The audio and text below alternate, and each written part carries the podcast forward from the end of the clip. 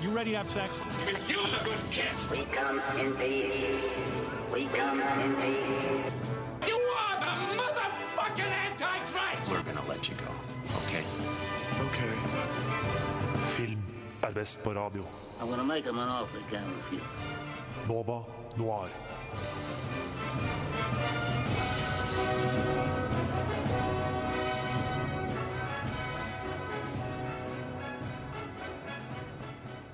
Hallo og velkommen til Nova Noir, Radio Novas filmprogram. I dag skal jeg, Ina, lose deg gjennom en litt annerledes sending.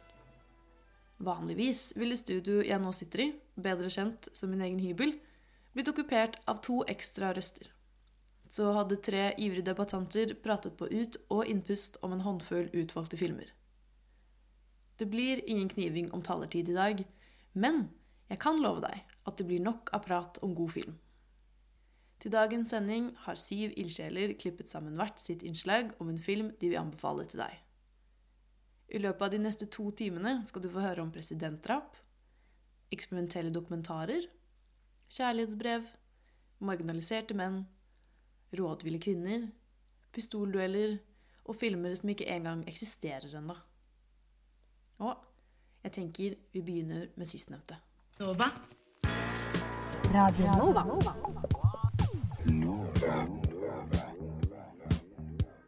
Du hører på Radio Nova. DAB, nettspiller og mobil. I fjor var det ikke bare konserter, teater og utelivet som raste sammen. Premierer på kommende kinofilmer glapp sakte, men sikkert mellom fingrene våre. Jeg har grått mine salte, salte tårer over Top Gun Maverick, og Kim er her i dag for å hylle den filmen han tror det er mest sannsynlig at han ville anbefalt i dag om det ikke hadde vært for evig utsettelse av premieredato. Her får du Kim Hilton og hans evige drøm om Dune.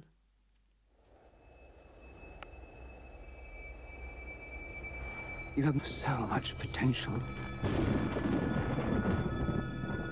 I hope you live. Live fra min ringe ettroms i Oslo et sted. Jeg er Kim. Jeg utgjør en fjortendedel av Nova Noir. Og med live så mener jeg live i den forstand at det er her jeg sitter når det her blir tatt opp. Det er her jeg aller mest sannsynlig sitter når enn det blir sendt på radio, og det er her jeg muligens også sitter en eller annen gang i fremtida når du, kjære lytter, hører på det her som en podkast. Du har kanskje hørt litt om filmer som vi har sett, filmer vi anbefaler, filmer vi ikke anbefaler, men jeg skal snakke om en film som jeg dessverre ikke har fått sett ennå, og som jeg gleder meg veldig, veldig mye til. Denis Villeneuve sin Dune. It's been called the greatest science fiction novel of all time, and is at its heart really a coming of age story, not just for Paul Atreides, but for humanity. Dune er jo altså da basert på en bok med det samme navnet. Handlinga er satt i et univers hvor mennesker er interplanetarisk, og de her planetene styres av ulike adelsfamilier. Gjennom en uvanlig evolusjon har enkelte menneskegrupper utvikla uvanlige ferdigheter. Du har mennesker som kan tenke som computere, og du har hekser som kan se i fremtida. Og i sentrum av alt det her er et stoff som kun finnes på ørkeplaneten Arrakis. Paul Atreides tilhører en adelsfamilie som blir tildelt ansvaret for Arrakis. Og her igangsettes en serie med hendelser som kaster Paul til ulvene, og tvinger han til å overleve og lede i universets mest fiendtlige miljø. Stephen Colbert ved The Late Show hadde et fantastisk intervju med mesteparten av castet, og i det intervjuet forklarer Timothy Chalamet karakteren sin. Paul Atreides, who is he? Paul Atreides is a young man who's facing extraordinary circumstance, uh, an extraordinary struggle, is trying to navigate it with integrity, with honor, with uh, faith in the tradition of House Atreides and of Duke Leto, his father. Paul sees that there's the potential that he's on a path greater than he understood, that perhaps he's not a simply a regular man.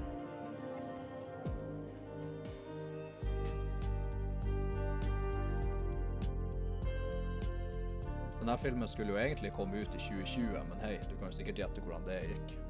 Den ble pusha bakover til en lysere fremtid, i likhet med No Time To Die, A Quiet Place 2 og Venom 2. So!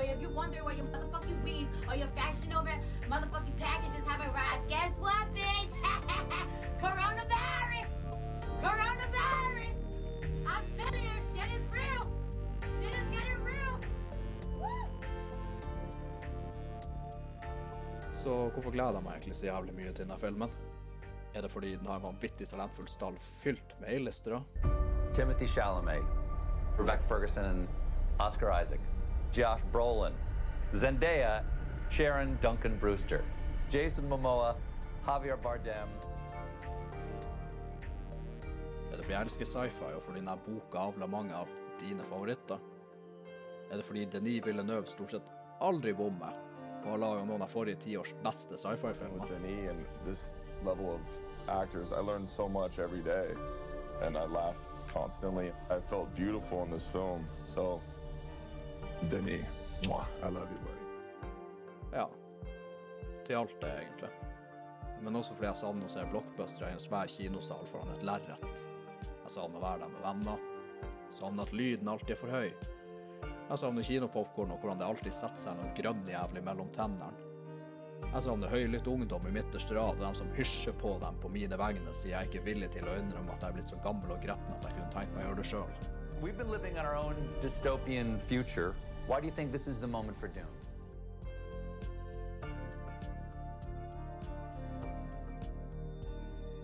Så det er egentlig mye rart jeg gleder meg til. Men uh, moralen i historien er at jeg gleder meg veldig til å dra på kino igjen. Og jeg gleder meg veldig til å se Dune på, på kino, ikke på HBO Max eller noe sånt her piss som det er.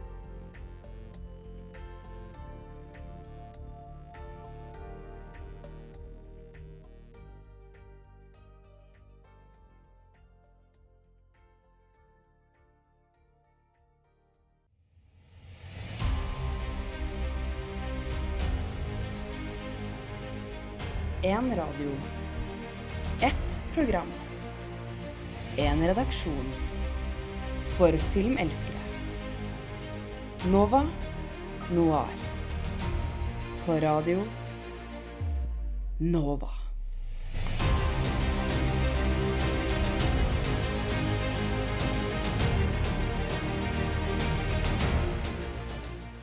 Nå er det på tide å introdusere deg for en helt ny stemme. Jørgen er en av to gresshopper som ble med i Nova Noir i februar. Du har muligens lest anmeldelsen hans av Nomadland på radionova.no? Vel, nå tar han deg tilbake til 1991 og den tids største konspirasjonsteori. Velkommen til Jørgen Skogsrud og hans opplevelse av JFK. 22.11.1963 i Dallas, Texas blir daværende president John F. Kennedy skutt og drept. Gjerningsmannen viser seg å være Lee Harvey Oswald, som myndighetene hevder å ha alene planlagt og utført attentatet. 28 år senere lanserer Oliver Stone sin nye film JFK på amerikanske kinoer. Filmen fører til en massiv kritikk av Oliver Stone for å oppmuntre til konspirasjonsteorier og mistillit av myndighetene. Samtidig fører det til at sakspapirene angående JFK-attentatet gjenåpnes. Filmen JFK av Oliver Stone er notorisk på mange måter. Saken den portretterer er kanskje Tinnes mest lugubre 'her er det ugler i mosen'-saken noensinne. Stone ble selv beskyldt for å uansvarlig tukle med historien og forløpet. Filmen følger New Orleans-juristen Jim Garrison, spilt av Kevin Costner, idet han overbevises om at JFK-mordet aldri kunne blitt utført av én person alene. Og det er nettopp denne konklusjonen de amerikanske myndighetene støtter, og som Costner sin karakter forsøker å motbevise. Costner sin karakter, altså Jim Garrison, tror nemlig at det er en konspirasjon bak attentatet. Costner, ved hjelp av sine mange venner i advokatmiljøet, begynner å grave i saken og finner svært urovekkende materiale. Ingenting stemmer med den offisielle forklaringen til myndighetene. Over 50 øyevitner sier at de hørte skudd komme fra et annet sted enn hvor Lee Harvey Oswald skulle ha befunnet seg, og så er det teorien om den berømte magiske kulen. Dette er altså kulen som traff både John F. Kennedy og Texas-guvernør John Connolly syv ganger uten å få en eneste skramme på seg. Kulen ble funnet fullstendig intakt på sykehuset noen timer etter attentatet. I filmen klipper Stone til en mystisk skikkelse som planter kulen ved sykehuset når dette blir påpekt. Eksperter i feltet påstår at dette er fullstendig umulig, mens amerikanske myndigheter baserer hele saken sin på nettopp denne kulen. Filmen byr igjen og igjen på svært urovekkende fakta som gang på gang ikke er forenlig med regjeringens forklaring. På den andre siden er Stone også beskyldt for å tukle med faktaene som blir presentert i filmen. Filmen tar oss dypt ned i kaninhullet av konspirasjonsteorier og skjulte sannheter. Vi er innom mafiaen, de amerikanske storbankene, CIA, Cuba, kommunistene og etter hvert helt til topps i Pentagon og Det hvite hus. Det virker som alle har en sykt god grunn for å drepe John F. Kennedy, og det er ganske skummelt hvor overbevisende det blir. Det er annet en fantastisk skummel sekvens med Donald Sutherland hvor han regelrett stjeler showet i 20 minutter som den mystiske Mr. X. Mr. X-sekvensen er min favorittscene i hele filmen, mye takket være Donald Sutherland, men også fordi den øker spenningsnivået helt utrolig mye. Hele sekvensen er egentlig bare Kevin Costner og Donald Sutland som går rundt i 20 minutter og snakker. Scenen foregår til og med i en park i dagslys. Men faktaene som blir presentert, og måten de blir presentert på, gjør at scenen blir helt utrolig skummel, når den absolutt ikke burde være det. Hele sekvensen minner egentlig om en litt eldre, mer politisk versjon av Ari Asters 'Midsommar'. Selve filmen er nesten tre og en halv time lang, men mister aldri interessen din. Det er annet en 40 minutter lang rettssaksscene hvor Kevin Costner egentlig bare holder et veldig langt foredrag over hendelsesforløpet i saken. Costner presenterer hver bit av saken i detalj. Dator, navn, interessepersoner. Han bryter ned den magiske kuleteorien og hvorfor den er bullshit. Samtidig som han presenterer hva han tror har skjedd. Nemlig at myndighetene har tatt livet av John F. Kennedy. Du sitter kanskje og tenker at en tre og en halv time lang film om drapet på JFK blir for døvt. Men nei da. Det som kunne blitt en utrolig kjedelig infooppramsende film, blir i Stone sine hender et suggererende paranoia-mesterverk. Den mesterlige klipperytmen og måten informasjonen blir presentert på, sørger for at seeren, iallfall meg selv, sitter klistret til skjermen i søken etter hva som egentlig skjedde den skjebnesvangre dagen i Dallas, Texas 22.11.1963.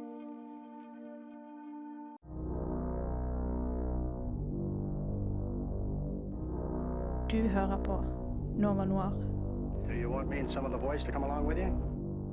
på Radio Nova. Are you gonna put up a fight? I'll tell you one thing, Gary. I ain't going to jail for no killing I was pushed into. I et filmklima hvor effektiv historieformidling er nøkkelen, og publikum blir fòret informasjon med teskje, er det lett å falle inn i rigide forventninger til hva en sjanger innebærer. Heldigvis kommer Lars inn fra siden for å minne om at dokumentarer kan være så utrolig mye mer enn faktabokser og fordummende dybdeintervjuer. Lukk øynene og la Lars Gram berette om Karnikatsi og Baraka. Filmtypen er blitt kalt mye. Stock footage-filmer, eksperimentelle dokumentarer og kan nesten klassifiseres som musikkvideofilmer. De revolusjonerte revolusjonert hvordan vi ser på film, og hvordan man kan lage film. Det er en filmtype som står meg nært, og som har forandret hvordan jeg ser på verden. Det er en glede jeg har lyst til å dele med dere. Hva gjør du egentlig når du er en regissør som bare lager reklamefilmer, og en fotograf som ikke helt klarer å komme seg inn i filmbransjen, og så plutselig får du 40 000 dollar til å lage et prosjekt? Jo, du lager Koyaanisqatsi. Critics around the world have called it a remarkable film event, a breathtaking experience, a fusion of image and sound.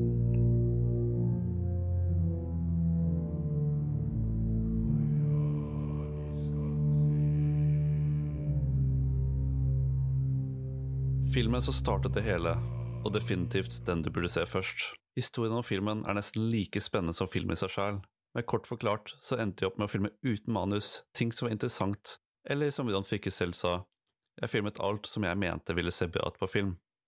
Koyaanisqatsi er en film uten like, hvor du blir tatt med på en reise som ser verden fra et stort perspektiv, men den viser deg også det intime fra et menneskelig nivå. Filmen i seg sjæl er for det meste bilder av menneskelig atferd og menneskets plass på planeten. Det viser deg travle og klaustrofobiske bilder av rushtiden i New York, menneskets industrialisering og fordervelse av planeten, men det kan også vise deg det fine og menneskelige, med bruk av sine ikoniske snapshots, hvor de fikk folk til å posere for et stillbilde, men så filmet de mens de egentlig ventet på å bli tatt bilde av. Men filmen er så mye mer enn bare bildene. Sydd sammen på en måte jeg aldri har følt på siden, er den ikoniske musikken til Philip Glass. Det er like mye Philip Glass sin film som det er Godfrey Regios, og det er Glass som virkelig setter denne filmen et hakk høyere enn den ellers skulle vært. Musikken er bombastisk, følsom og ikonisk. Det er musikk du kommer til å nynne på eller aktivt høre på lenge etter du har sett filmen. Musikken har også spredt seg til andre filmer og serier, som TV-serien Scrubs og filmen Watchmen.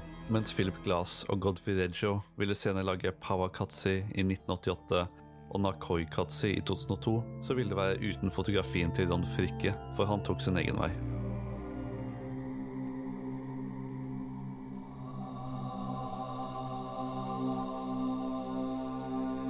A challenge.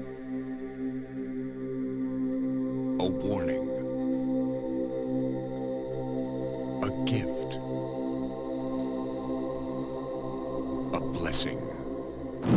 Baraka. Ron Frikkes vei ledet han til Baraka, en film lik Korniskatsi, men mye større i størrelse. Mens Korniskatsi var filmet for det meste i USA, så er Baraka filmet i over 24 land, og med et mye større fokus på å lage ikoniske bilder.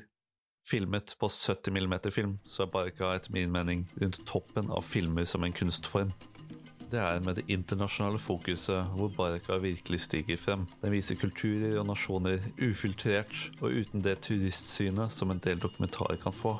Filmen gir deg et undrende blikk og et ønske for å reise, for å kunne nytte livet og naturen i en drømmeverden hvor realiteten ikke kan ødelegge. Den viser likhetene mellom mennesker uavhengig av hvor de kommer fra, og samtidig viser deg de nydelige forskjellene som gjør verden så spennende. Selv om filmen kanskje kunne gjort seg bedre med musikk fra Philip Glass, så har den klart seg fantastisk uten. Mesteparten av musikken er komponert av Michael Stearns, men han har også fått hjelp fra flere band, hvor favoritten min er Dead Can Dance med sangen The Host of Seraphim. Ron Frikke lagde også 23 år senere filmen Samsara, som tok det tekniske i filmen et steg videre. Men personlig så er det Baraka som er favoritten. For å sitere Roger Ebert hvis mennesker sender enda en rakett til de fjerne stjernene, om det bare kan ta med seg én film, så kan det hende at den filmen er Baraka.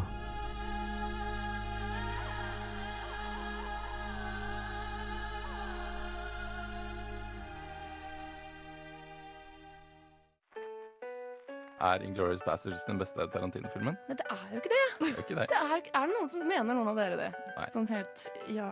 Du mener det? Ja. Film er best på radio. Nova Noir. Som nevnt er ikke Jørgen den eneste ungfolen i redaksjonen.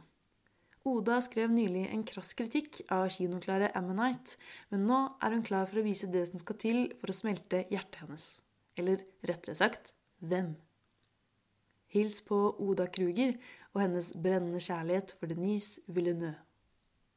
Det er ikke før i det senere at jeg virkelig har blitt bevisst på konseptet show don't tell i filmatisk historiefortelling.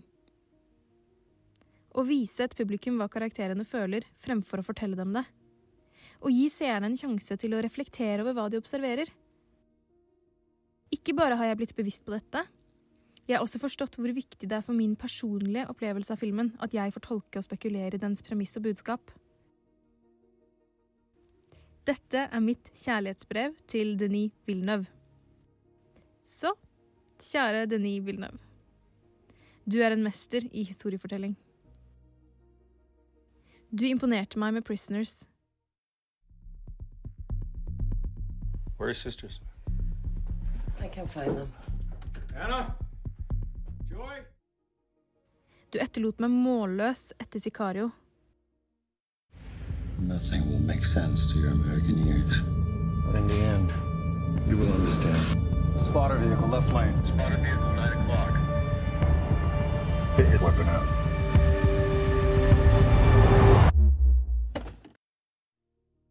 Du skapte et visuelt mesterverk med Blade Runner 2049.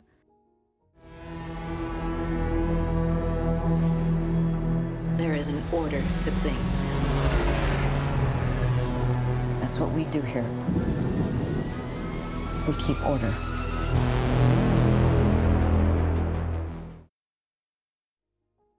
Og du har rett og slett tatt pusten fra meg med Asandi. Da jeg så Asandi for første gang, ble jeg blåst av gårde. Satt ut av tilnærmingen til denne historien med eksepsjonelt tungt og vanskelig innhold. Måten Villeneuve mestrer planting and payoff på, er uten like. Jeg gikk inn i denne filmen uten å ha fått noe informasjon om den på forhånd, og det tror jeg er den ideelle måten å oppleve den på for første gang. Mamma. Mamma.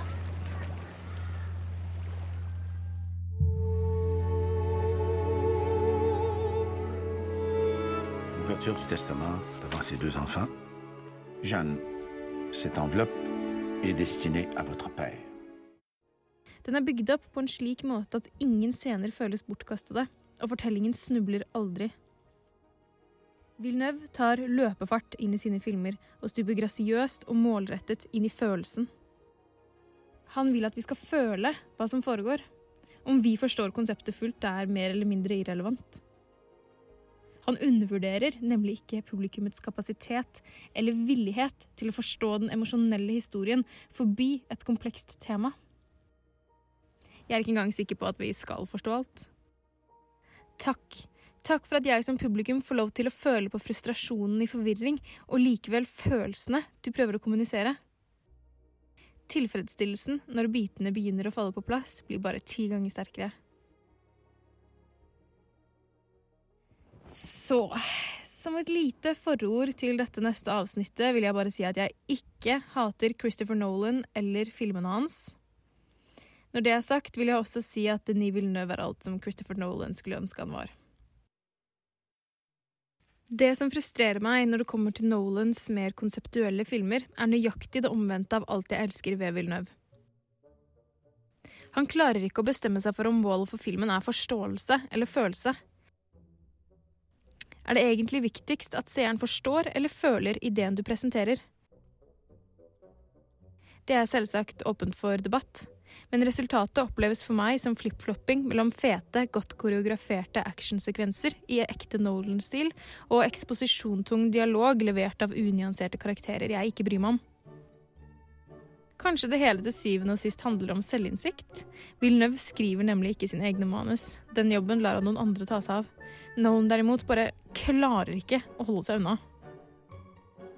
Det eneste jeg ber om, er at Christopher Nolan aldri prøver å skrive en kvinnelig karakter noensinne igjen. Hei, jeg er en kvinne i en Christopher Nolan-film. Hele personligheten min er enten at jeg er noens mor, kjærlighetsinteresse eller datter, og min jobb er å være emosjonell motivasjon for den mannlige protagonisten. Jeg er et vandrende tomt skall av et menneske. Jeg er også hvit. Husker dere den gangen Anne Hathaways karakter i Interstellar sa hele filmens premiss, fordi vi som publikum umulig kan forstå det uten å bli matet informasjon med teskje? Kan noen bare redde han fra seg selv? Ja, og så var det jo poenget her, da. Uh, det var at kjære Denis Villeneuve Beklager for avbrekket der. Uh, digger deg, kompis. Keep up uh, the good work. Du Du Du hø hører på. på Radio Nova. Det er mildt sagt bøttevis med filmer som skildrer de tilsynelatende unike livene til store kunstnere. Glorifisert Oscar-bate som sjelden tør å tråkke noen på tærne. Alexander kan gudskjelov by på et friskt pust i en ellers monoton sjanger. Her kommer en film som kan by på trollbindende sekvenser, fortrengte følelser og en maktgal forfatter. Kan Alexander Helstenius komme til dansegulvet for sin anbefaling av Mishima A Life in Four Chapters? He was an intellectual who advocated action. He was a rebel who fought for tradition. He was an artist who shocked the world. Francis Ford Coppola and George Lucas present a new film by Paul Schrader. Mishima.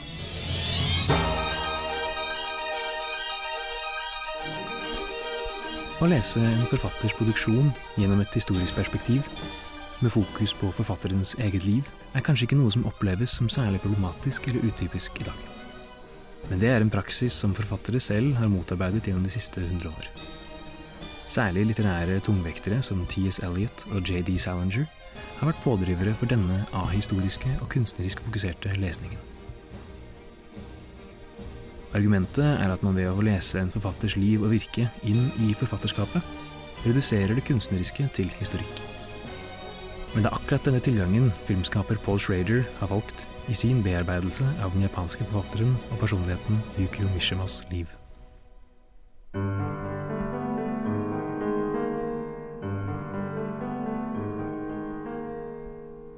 Gjennom filmen Mishima stifter man som publikum ikke kun kjennskap til Mishimas egen biografi, men også til hans forfatterskap, gjennom vakkert orkestrerte filmatiseringer av noen av hans hovedverker. Filmens fortellerstruktur er på mange måter utypisk, og Schrader selv beskriver den som bestående av to nivåer. Et stilistisk nivå og et tematisk nivå. Det stilistiske nivået har tre deler, som består av Mishimas siste dag, som framstilles på en dokumentarisk måte, alt før denne dagen, som er i sort-hvitt, og så filmatiseringene av hans romaner, som fremstilles på en svært stilisert og teateraktig måte. Disse tre delene veves sammen gjennom det tematiske nivået, som har fire deler. Først den unge Mishimas fascinasjon for skjønnhet, så den unge mannens ferd mot kunsten, så hans politiske utskeielser, og til sist hans forsøk på å forene penn og sverd. Den siste dagen presenteres kronologisk, men blir brutt opp av flashbacks fra hans liv og passende utdrag fra hans forfatterskap. Denne måten å fortelle en biografi på, om enn kritisert i litterære kretser, er en svært effektiv måte å presentere en forfatter som for min del i hvert fall var helt ukjent. Ikke bare er historien om Mishamas liv full av meddrivende tragedier og fascinerende vendinger, den er også svært sammenvevd med hans litterære virke, som har vekket en sterk trang hos meg til å dykke ned i hans bøker. Det er også åpenbart at filmen fra Schraders side ikke er ment som en hyllest, men en slags undersøkelse for å forstå denne mannens kompliserte forhold både til seg selv og sin egen kropp, samfunnet rundt og kunsten og skjønnheten. Fokus i filmen er ikke på suspens eller bortforklaring. Allerede før filmen er begynt, kommer det en tekstbolk som spolerer filmens dramatiske slutt. Det er tydelig gjennom filmens framstilling av Mishimas liv at det ikke er meningen å unnskylde hans mer problematiske handlinger ved å vise til hans tragiske fortid. Heller er det fokus på å skildre en ytterst fascinerende menneskeskjebne, gjennom livet han levde og kunsten han lagde. Resultatet er et humanistisk og rørende portrett, som føles som mulig mer relevant satt i sammenheng med dagens marginaliserte menn, som lever på utkanten av samfunnet med voldsomme fantasier, men som ikke får det samme utløpet som Mishima gjorde.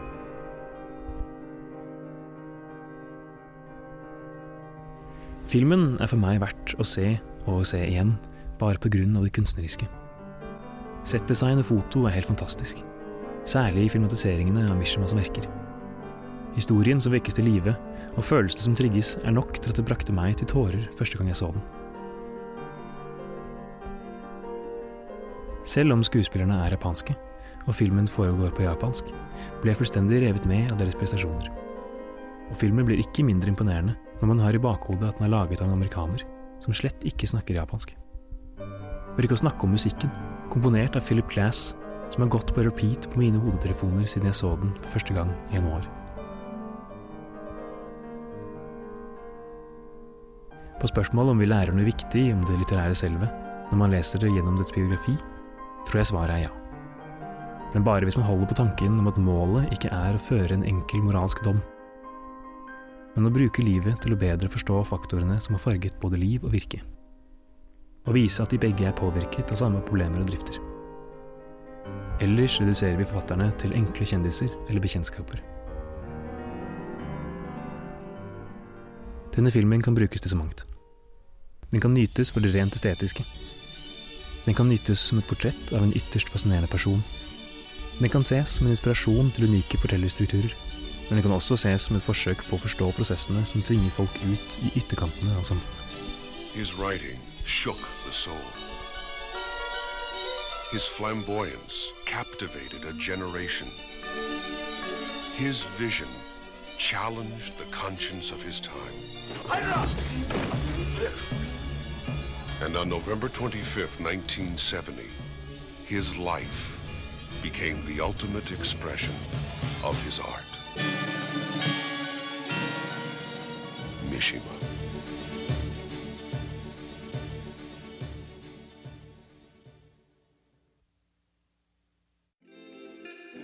Nova Noir. Nova Noir. Nova Noir. What the fuck? Nova Noir. Vi sitter her hver torsdag fra ti til tolv. Ett år har gått med korona. Og jeg klarer ikke å unngå å føle på en slags håpløshet. Har jeg kastet bort det beste året i mitt liv inne på rommet mitt? Jeg blir 24 år til sommeren. Går det bare nedover herfra? Det gjør, det gjør selvfølgelig ikke det, men det må da være lov å føle på en, en slags tidlig kvartlivskrise i disse dager. Heldige er vi som har Embla til å bla opp en film som bekrefter at starten av 20-årene alltid føles kaotisk. Pandemi eller ei. Hør Embla Aaslein presentere Frances Ha. Nylig så fylte jeg 23 år. Det er jo en fase i livet som er ganske rar. Nå har jeg både venner som eh, bor i kollektiv med seks kamerater og fester hver dag, og jeg har venner som er forlovet og har lyst på barn. Eh, Det er liksom ikke noe fasit for hvor du er i livet når du er 23. Og det fikk meg til å tenke på en film som skildrer alle disse følelsene og det rare stadiet i livet veldig fint, og det er Frances Ha. We are going to take over the world. You'll be this awesome publishing mogul. And you'll be this famous modern dancer.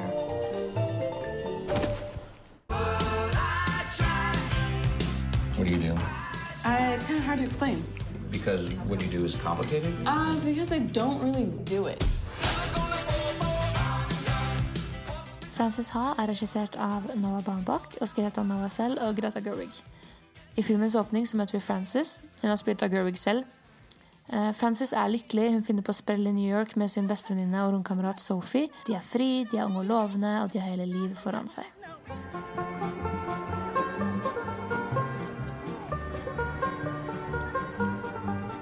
Men denne verden kollapser idet Sophie bestemmer seg for at det er på tide å bli voksne. I really don't want to do it if you're not okay with it. I kind of thought that we were going to renew our lease. Yeah, but we never talked about it. Yeah, but it's really hard to find stuff in Tribeca. I can't afford Tribeca. I'm not leaving you. I'm just moving neighborhoods. Frances, som nettopp har slått opp med sin egen kjæreste fordi han ble litt for seriøs, har ikke lenger råd til å bo i leiligheten uten Sophie, og må derfor ut på jakt etter et nytt sted å bo. Hun møter de litt for kule hipsterne Benji og Lev, spilt av Michael Segan og Adam Driver. Disse guttene tar Frances inn i varmen, og hun ender opp med å flytte inn hos dem. That was great. You should be in this music video a friend of mine is working on. I'll hook you guys up. You guys are like magic. Her begynner Frances sin reise. I'm so happy you're home. I had such a shitty night. Sorry, kid. I had a great night. I cracked the second act of my script. I'm on page 68. Oh, that's exciting. Is it for SNL? No, this is a sample script I'm writing for the third Gremlins. Boy trouble tonight? Sophie trouble. Undateable. And I, I kind of, I, I got temporarily fired. I've been fired like a million times. Makes you cool. Yeah, but I can't pay rent. Gjennom filmen søker Frances etter sin plass.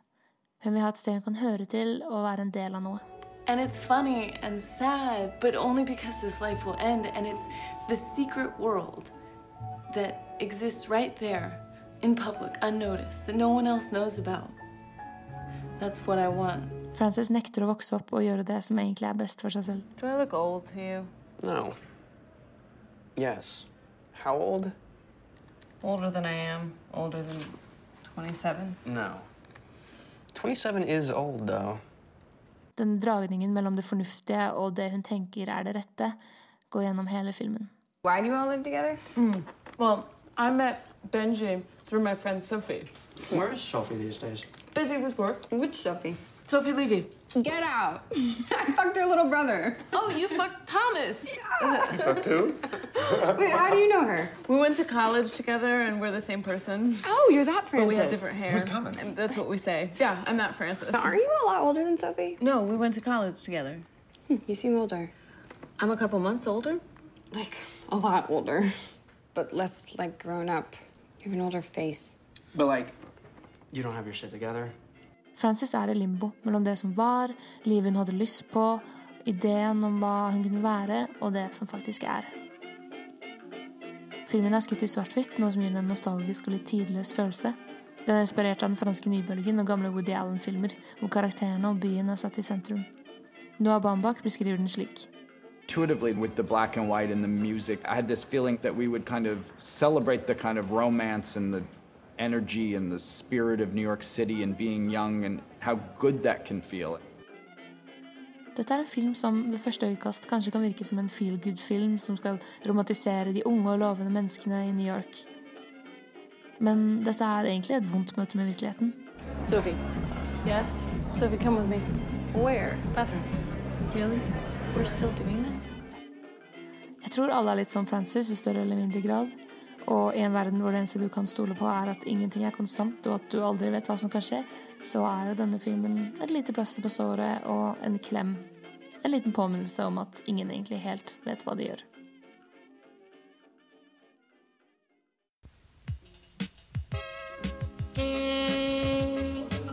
Alle tre, og så kommer Edmund og bare What the fuck? Har du sett Parasite? Ja. Har du sett Parasite? Å, shit, shit. Uh, Nova Noir.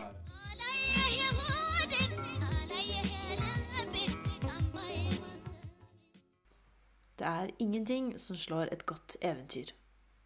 La oss drømme oss bort til knusktørre ørkener, knirkete markløpere, rynkete sigarillos og flagrende ponchoer. Fam skal minne oss på å sette pris på en ordentlig hardbarka klassiker. Tiden er inne for å høre Fam Bekkingens varme ord om the good, the bad and the ugly. Hei, jeg er Fam, og jeg har lyst til å hylle en av de beste filmene gjennom tidene.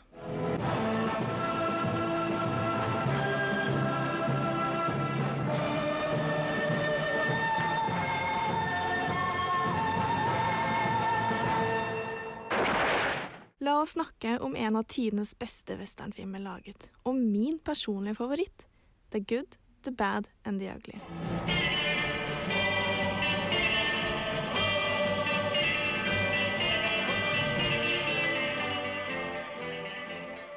Sergio Leones westernklassiker fra 1966 har definitivt ikke gått ut på dato. Den regnes av mange som å være tidenes største innen westernsjangeren, og ikke uten grunn. Sergio Leones film er en gro, tekstuert fortelling gjennomsyret av krigens tragedie og med karakterdreven sans for humor. Leone er en regissør som forstår visuell historiefortelling veldig godt. Han er god på å lage bilder på skjerm, der du ikke engang trenger dialog for å forstå nøyaktig hva han prøver å formidle til deg. De første 10-11 minuttene av The Good, The Bad and The Ugly har ikke et eneste ord i seg.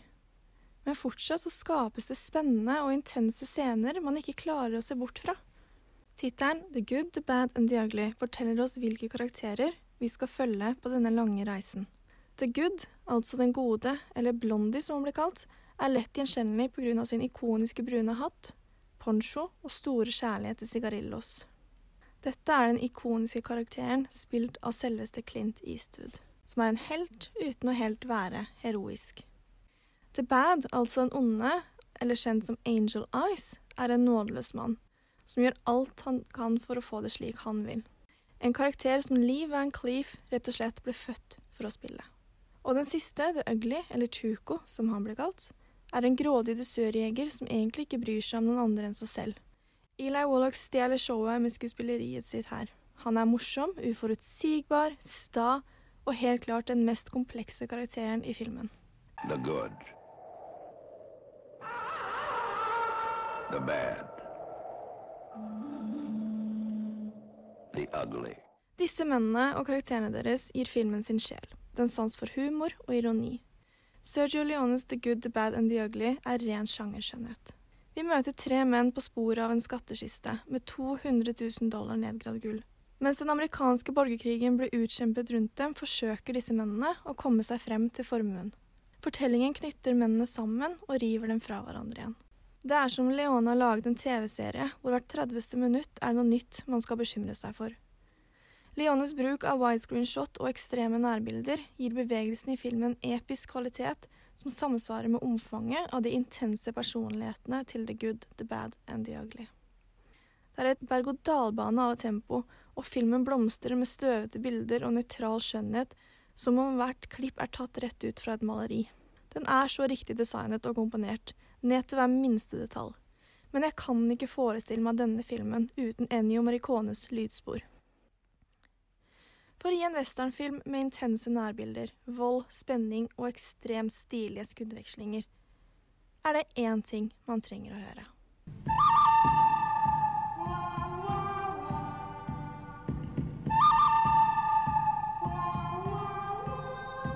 Og hvis du ikke har hatt peiling på hva jeg har snakket om til nå, så kjente du kanskje igjen den lyden.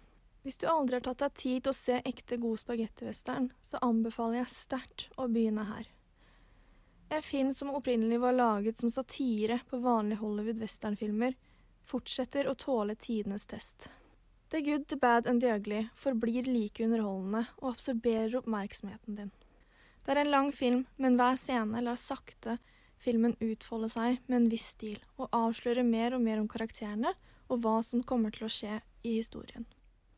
Og når det hele er over, så føler man at man har vært med på en lang og spennende reise.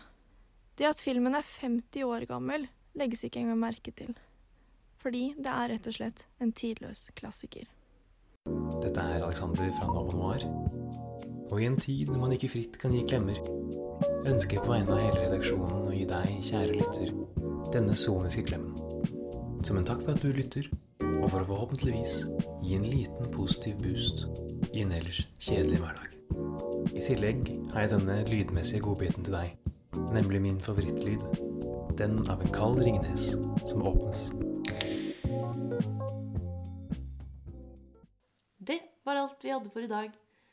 Du har hørt på Nova Noir. Mitt navn er Ina Sletten, og jeg vil gjerne takke Kim Hilton, Jørgen Skogsrud, Lars Gram, Oda Kruger, Alexander Helstenius, Embla Aaslein og Fam Bekkingen for syv herlige og unike anbefalinger. Vi høres igjen neste torsdag når jeg, Jørgen og Embla skal prate om filmer om katastrofale filmsett. Før den tid, ta vare på deg selv og de rundt deg. Ha det bra!